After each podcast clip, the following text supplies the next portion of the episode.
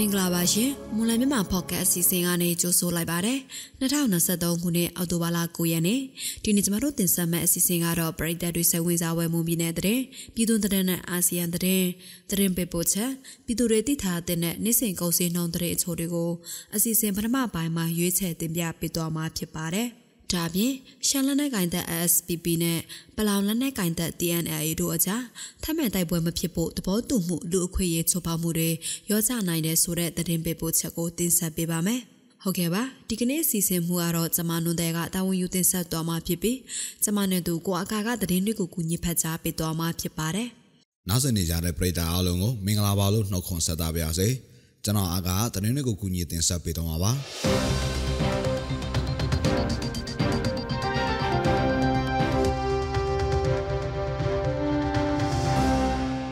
အုပ်ဆုံးသတင်းသဘောအနေနဲ့မိုးတဲထန်စွာရွာသွန်းမှုကြောင့်မွန်ပြည်နယ်စိတ်ထုံမြို့နယ်ကမွန်ဆောင်ကျေးရွာအုပ်စုစိတ်တီယိုတောင်တက်ကလမ်းမှာ မနစ်မနက်ပိုင်းကမြေပြိုမှုဖြစ်ပွားခဲ့ပါတယ်။ရည်တဲ့တောင်ရင်ရဲ့နာစကန်နီမိုင်တအမတ်9မိုင်၄ဖာလုံးရှိစိတ်တီယိုတောင်တက်ကလမ်းပဲအောက်ဘက်မြေသားနေရအကြောင်းလိုက်ပြီးမြေပြိုကျမှုဖြစ်ပွားခဲ့တယ်လို့ကဲဆယ်ရီအဖွဲ့တွေစီကနေသိရပါတယ်။ကာလမဲမြေပြိုကျမှုကြောင့်ထိခိုက်မှုတစုံတရာမရှိပေမဲ့လမ်းကိုနယ်မြေမိတဲ့ကစရေးအဖွဲ့နဲ့တက်ဆရအဖွဲ့အစည်းတွေကလမ်းရင်အတရကင်းရှင်းစီအတွက်တတိပေအမှန်သားပြုလုပ်တာရေစီကောင်းမှုစီရင်မြောင်းဖောက်တာတွေကိုလှုပ်ဆောင်ပေးခဲ့တယ်လို့သိရပါတယ်ရှင်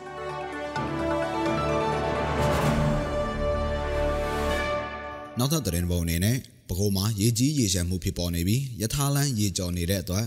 မော်လမြိုင်ရန်ကုန်ယထာခရီးစဉ်တွေကိုဒီနေ့အောက်တိုဘာ9ရက်နေ့အောင်စပြီး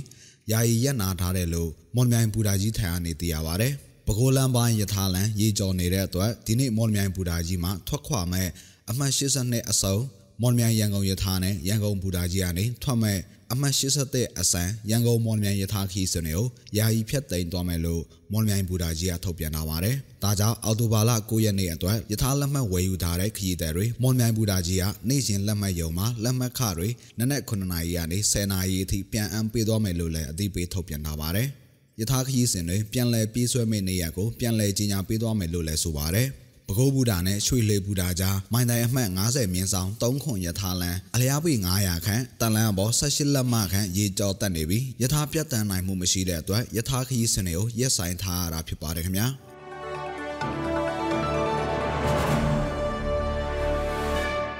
နောက်ထပ်သတင်းသဘောအနေနဲ့ နောက်ထပ်သတင်းသဘောအနေနဲ့လူမှုကွန်ရက်မှာစစ်ကောင်စီကိုစက်ကျင်ရေးသားပြောဆိုမှုတွေလုပ်ခဲ့တဲ့အတွက်စစ်ကောင်စီကဖမ်းဆီးထားတဲ့အရက်သား1316ဦးထိရှိလာတယ်လို့ Data for မြန်မာအဖွဲ့ရဲ့မနေ့ကထုတ်ပြန်ချက်မှာဖော်ပြထားပါတယ်။ အဲ့ဒီအချက်လက်ဟာ2022ခုနှစ်ဖေဖော်ဝါရီလကနေ2023ခုနှစ်စက်တင်ဘာလကုန်အထိကောက်ယူထားတဲ့စီးရင်တွေလို့သိရပါဗျ။ဖန်ဆီးခံရသူတွေဟာရန်ကုန်တိုင်းနဲ့မန္တလေးတိုင်းကအများဆုံးဖြစ်ပြီးပဲခူးတိုင်းမကွေးတိုင်းနဲ့အေရဝတီတိုင်းတွေကဖန်ဆီးခံရသူတွေလည်းရှိနေပါတယ်။လူမှုကွန်ရက်ကနေလှုပ်ဆော်ဝါဒဖြတ်တာချိန်ချောက်ထားတွေပြုလုပ်ရင်အကြမ်းဖက်မှုတိုက်ဖျက်ရေးဥပဒေပုံမှန်52က ရစသက်ကြီးပုံမှန်124ကပုံမှန်905က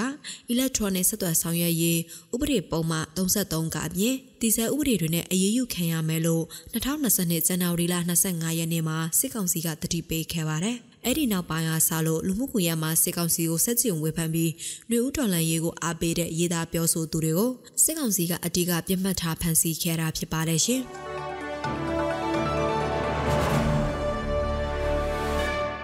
နောက်ထပ်သတင်းတစ်ပုဒ်အနေနဲ့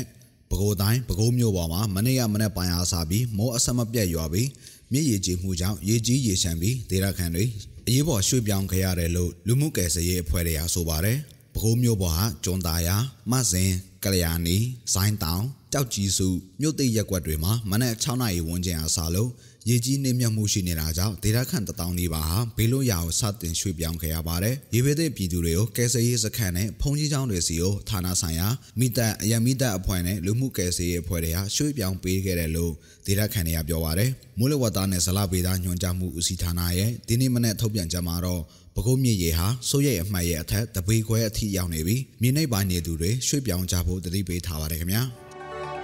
။ နောက်ဆုံးသတင်းသဘောအနေနဲ့ဘန်ကောက်ဇီဝဲစင်တာမှာဖြစ်ပွားခဲ့တဲ့တနက်ပစ်ခတ်မှုအတွင်းသေဆုံးခဲ့ရတဲ့မမိုးမြေရဲ့မိသားစုအတွက်ထိုင်းနိုင်ငံအစိုးရကထောက်ပံ့မှုတွေပေးခဲ့တယ်လို့သိရပါဗျ နိုင်ရီတက်ရောက်လာတဲ့ထိုင်းနိုင်ငံတရားရေးဝန်ကြီးကလည်းဘန်းငွေနှစ်သိန်းနိုင်ရီခန္ဓာမှာမိခင်ဖြစ်သူကိုပေးအပ်ခဲ့ပါတယ်။တည်ဆုံးသူမမိုးမြတ်အတွက်ထိုင်းအစိုးရကဘန်းငွေ6.2တန်းထိထောက်ပံ့ပေးသွားဖို့ရှိတယ်လို့ထိုင်း PPS သတင်းကဖော်ပြထားပါတယ်။ဒါပြင်မမိုးမြတ်ရဲ့အလုပ်ရှင်ကလည်းထိုင်းဘန်းငွေတထောင်ကိုလဆင်ထောက်ပံ့ပေးသွားမယ်လို့ဆိုပါတယ်။မမိုးမြတ်ရဲ့နိုင်ရီကိုထိုင်းနိုင်ငံနွန်ထပူရီမြို့မှာမနေ့ကလုပ်ခဲ့ပြီးထိုင်းအစိုးရတာဝန်ရှိသူတွေမိခင်ဖြစ်သူနဲ့အလုပ်ရှင်မြန်မာနိုင်ငံသားတွေတက်ရောက်ခဲ့ပါတယ်ရှင်။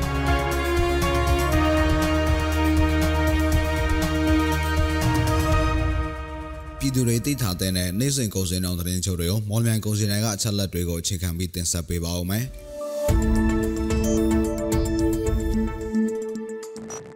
ဝယ်ပါဒီနေ့ထိုင်းနဲ့မြန်မာငွေလဲနှုန်းကတော့ထိုင်းဘတ်89.68ဝယ်ဈေးရှိနေပြီးရောင်းဈေးက93.3နှစ်ရှိနေပါတယ်။ဒေါ်လာဈေးကတော့အမေရိကန်ဒေါ်လာကိုဝယ်ဈေးမြန်မာငွေ3295ကျပ်ရှိပြီးရောင်းဈေးကတော့3345ကျပ်ရှိနေပါတယ်။ ရွှေစင်းနှုန်းကမီလင်16ပဲတစ်ချက်သားကိုအပြင်ပေါက်စေ34သိန်းဝန်းကျင်မှာရှိနေပါတယ်။73စီးတွေကတော့ဒီဇယ်1လီတာကို2225ကျပ်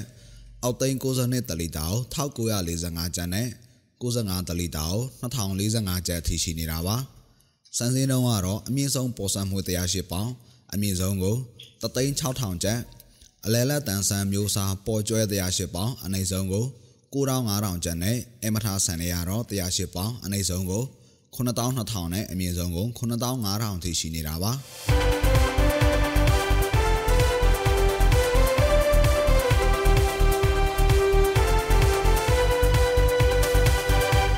တင်ဆက်ပေးသွားခဲ့တာကအော်တိုဘာလ9ရက်နေ့မှာဖြစ်ပျက်ခဲ့တဲ့မွန်ပြည်နယ်တရင်ပြည်တွင်းတရင်နဲ့အာဆီယံတရင်တွေအပြင်တနေ့တာစီစဉ်ငွေစင်းနဲ့ကုန်စည်နှုန်းတွေကိုတင်ဆက်ပေးသွားတာဖြစ်ပါတယ်။ဆက်လက်ပြီးတော့ရှန်လက်နက်ကင်သက် SSPP နဲ့ပလောင်လက်နက်ကင်သက် TNLA တို့အကြားထပ်မံတိုက်ပွဲမဖြစ်ဖို့သဘောတူမှုလူခွေရေးချိုးပေါက်မှုတွေရောကြနိုင်တဲ့ဆိုတဲ့တရင်ပေးဖို့ချက်ကိုနှစ်ဒီကတင်ဆက်ပေးပါအောင်မယ်။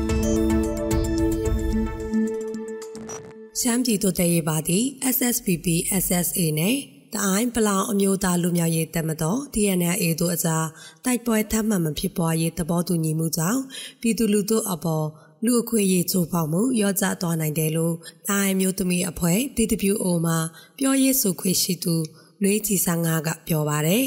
တိုက်ပွဲဖြစ်ပွားပါက အရင်ဆုံးထိခိုက်ရတာကပြည်သူဖြစ်ကြောင်းမဟာမိတ်အဖွဲ့နှစ်ဖွဲ့သဘောတူညီချက်ကြောင့်ပြည်သူတွေကောင်းကျိုးရှိတယ်လို့သူကဆိုပါတယ်။ဟုတ်ကဲ့ဟုတ်ဒါကအာတကယ်လို့မဖြစ်ဘူးချင်းချင်းကြားမှာတော့မဖြစ်ဘူးညီနိုင်မှုအာစင်ပြေတော့တယ်ဆိုရင်တော့အာဒီ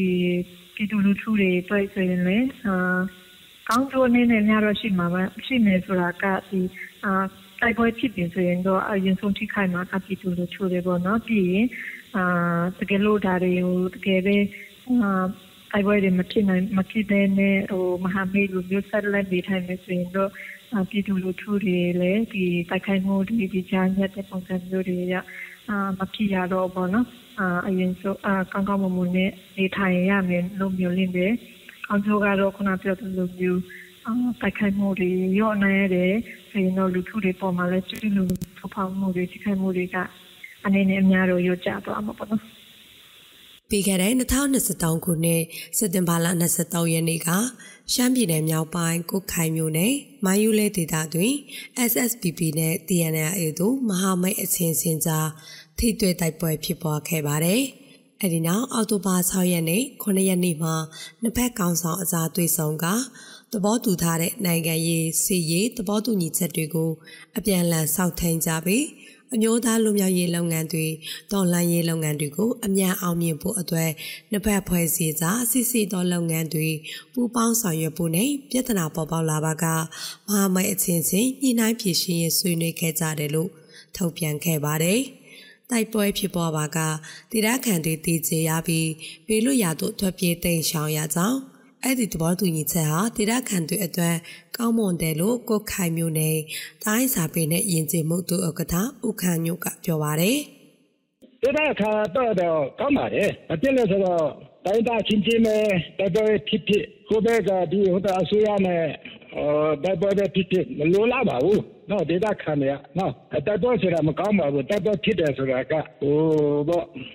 နောက်ဆုံးကတော့လူထုပဲဖြစ်တာလူထုပဲနာလေဒေတာပဲနာတာဟုတ်ဘယ်လိုလဲဒါလည်းမဖြစ်တင်ဘူးပေါ့မဖြစ်စေချင်ဘူးပေါ့နော်ဟဟို တိုက်ပွဲမှာဖြစ်တာအကောင်းဆုံးပေါ့နော်ဘယ်တဲ့တဲ့ဘယ်အဖက်တဲ့ဖြစ်ဖြစ်ဟိုဘက်ကအဖက်ဒီဘက်အဖက်တဲ့ဖြစ်ဖြစ်ဒီမှာဘယ်အဖက်တဲ့ဖြစ်ပေါ့အာတိုက်ပွဲဆိုတာမကောင်းပါဘူးနော်တိုက်ပွဲဆိုတာဘယ်မှာသူဖြစ်လဲလူထုပဲဖြစ်ဒေတာခံတွေပဲဖြစ်တာပဲနော်တိုက်ပွဲဖြစ်တာနဲ့ဒေတာခံနေနာပဲတေးတယ်တီးတယ်ဒါလည်းအာမမဟုတ်ဘူးဒါတွေပဲအဖက်တင်တာပေါ့နော်လေးတော့ဒါတွေတော့မဖြစ်စီဘူးနော် ရှားလက်နက်ကင်တပ်ဖွဲ့တိုင်ဘလောင်လက်နက်ကင်တပ် DNI တို့ဟာနိုင်ငံရေးစီရေးမဟာမိတ်ဖြစ်ပြီးပူးတွဲစီရေးလှုပ်ရှားမှုတွေရှိနေတယ်လို့ပြီးခဲ့တဲ့စက်တင်ဘာလအတွင်းကမဟာမိတ်အချင်းချင်းတိုက်ပွဲဖြစ်ပွားခဲ့ပါတယ်။